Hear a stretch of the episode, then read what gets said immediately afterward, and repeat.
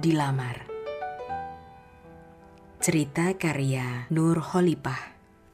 Diterjemahkan dari bahasa Using, Banyuwangi, Jawa Timur Oleh Nur Holipah. Narator Nur Atmaja.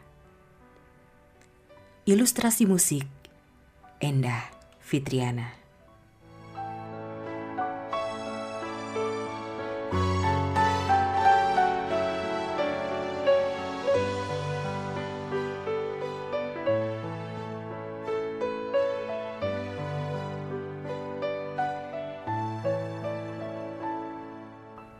Kalau kamu sudah berpuluh-puluh tahun sekarang, apa yang masih kamu ingat saat usiamu 6, 7, 8 tahun?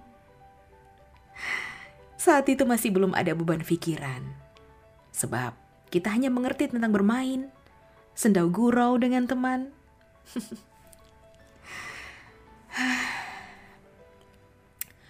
Dulu saat masih bocah, aku sering merangkai daun nangka yang tanggal ke tanah untuk jadi mahkota. Daun yang berwarna hampir merah bata, setengah kering, dilipat jadi dua. Pangkal bertemu ujung. Lalu disusun, digabungkan dengan menyelipkan lidi. Berputar sesuai ukuran lingkar kepala.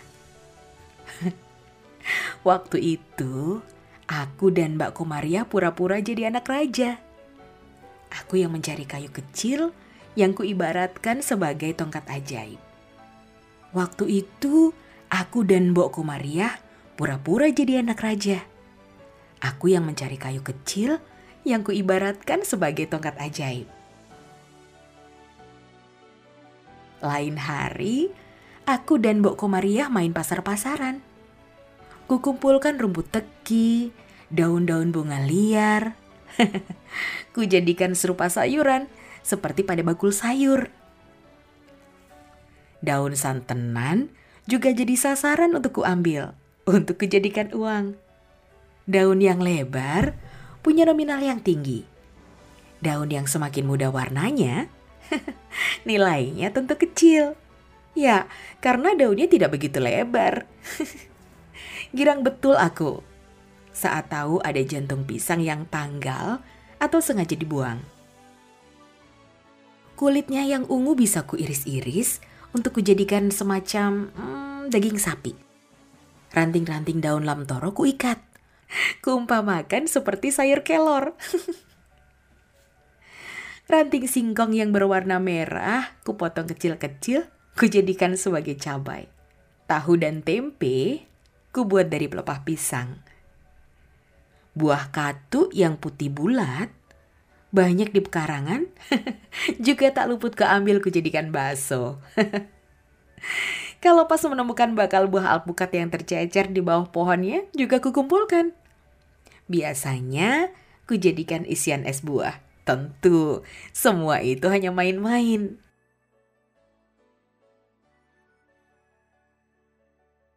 Lain hari lagi, aku diajak main engklek. Kadang-kadang juga main bekel di musola. Seringkali aku iri pada Mbok Iyah itu. Dia lancar betul dalam permainan engklek. Berjalan dengan satu kaki. Apalagi tangannya itu juga sangat lancar memainkan bola bekel. Satu putaran main, bisa-bisa aku tak dapat giliran karena tangan Mbok Iyah yang selalu tepat sasaran menangkap bola bekelnya. Usia Mbok Iyah beberapa tahun lebih tua dariku. Hanya Mbok Iyah saja temanku bermain. Sebab aku tak punya teman lagi. Ya, maklum saja. Aku bermukim di tengah sawah. Sama seperti Mbok Iyah. Ya, hanya Mbok Iyah tetangga terdekatku. Makanya, hanya ia temanku bermain saat pulang sekolah dan mengaji. Kulit Mbok Iyah sedikit gelap. Sebab ia juga rajin membantu pekerjaan di tengah sawah. Kalau tak ikut mantun, kalau tak ikut matun, tandur, juga ngedai. Sejak padi yang ditanam sudah terlihat bulir-bulirnya.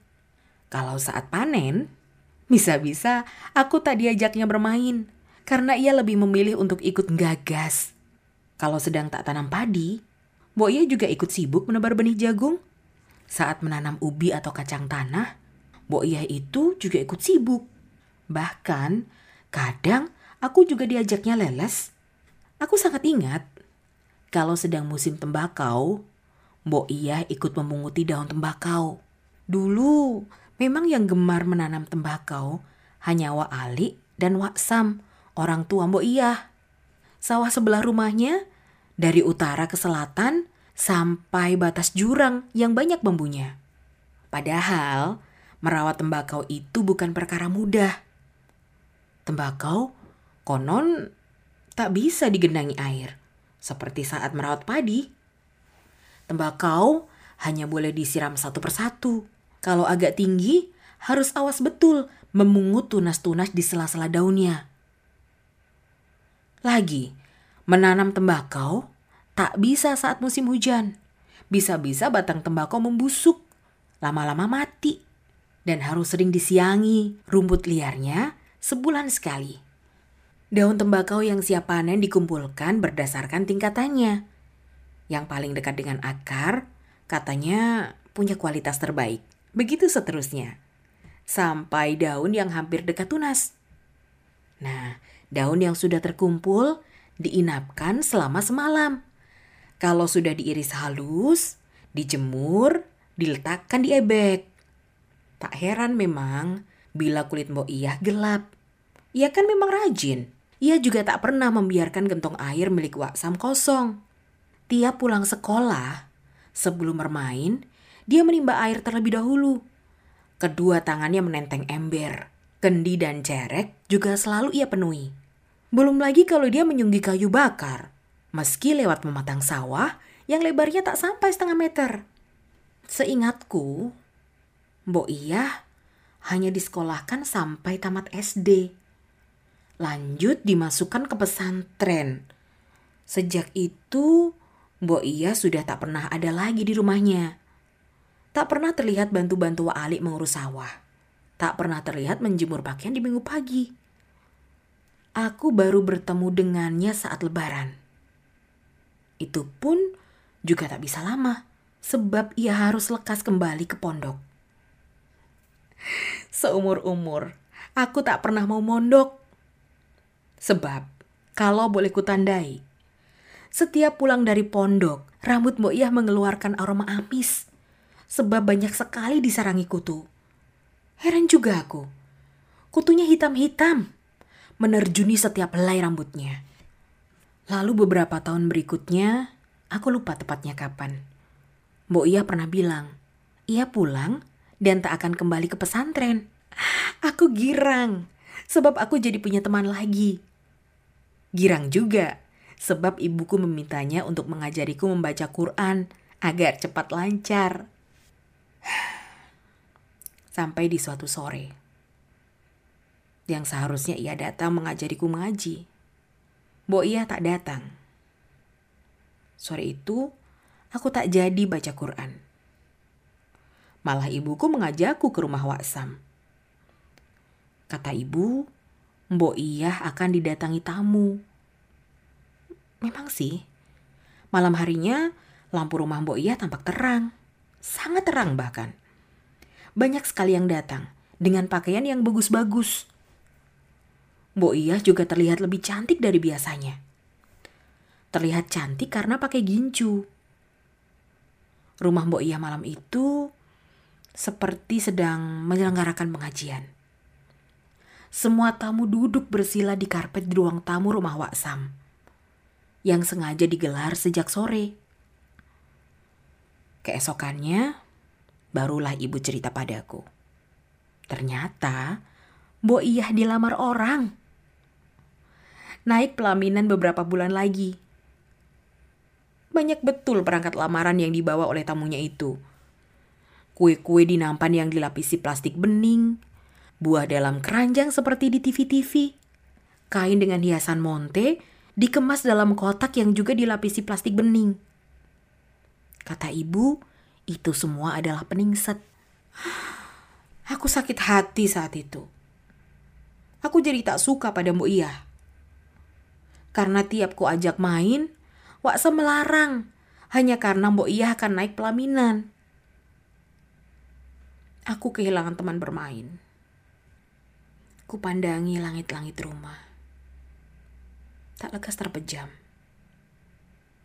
Padahal sudah berulang-ulang kuhitung genteng yang terpasang di sana. Ada beberapa rumah tawon yang juga tertangkap dalam retinaku. Mungkin dulu perasaan Bo Iyah juga semacam ini. Baru saja rumahku didatangi tamu. Alih-alih sudah melingkar di jemari. Tahun ini aku akan menikah.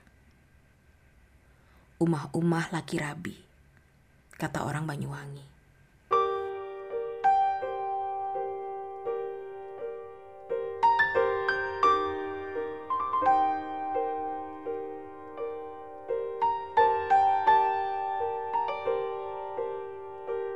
Sastra suara ini dipersembahkan oleh divalitera.org bekerja sama dengan Direktorat Jenderal Kebudayaan Kementerian Pendidikan dan Kebudayaan Republik Indonesia.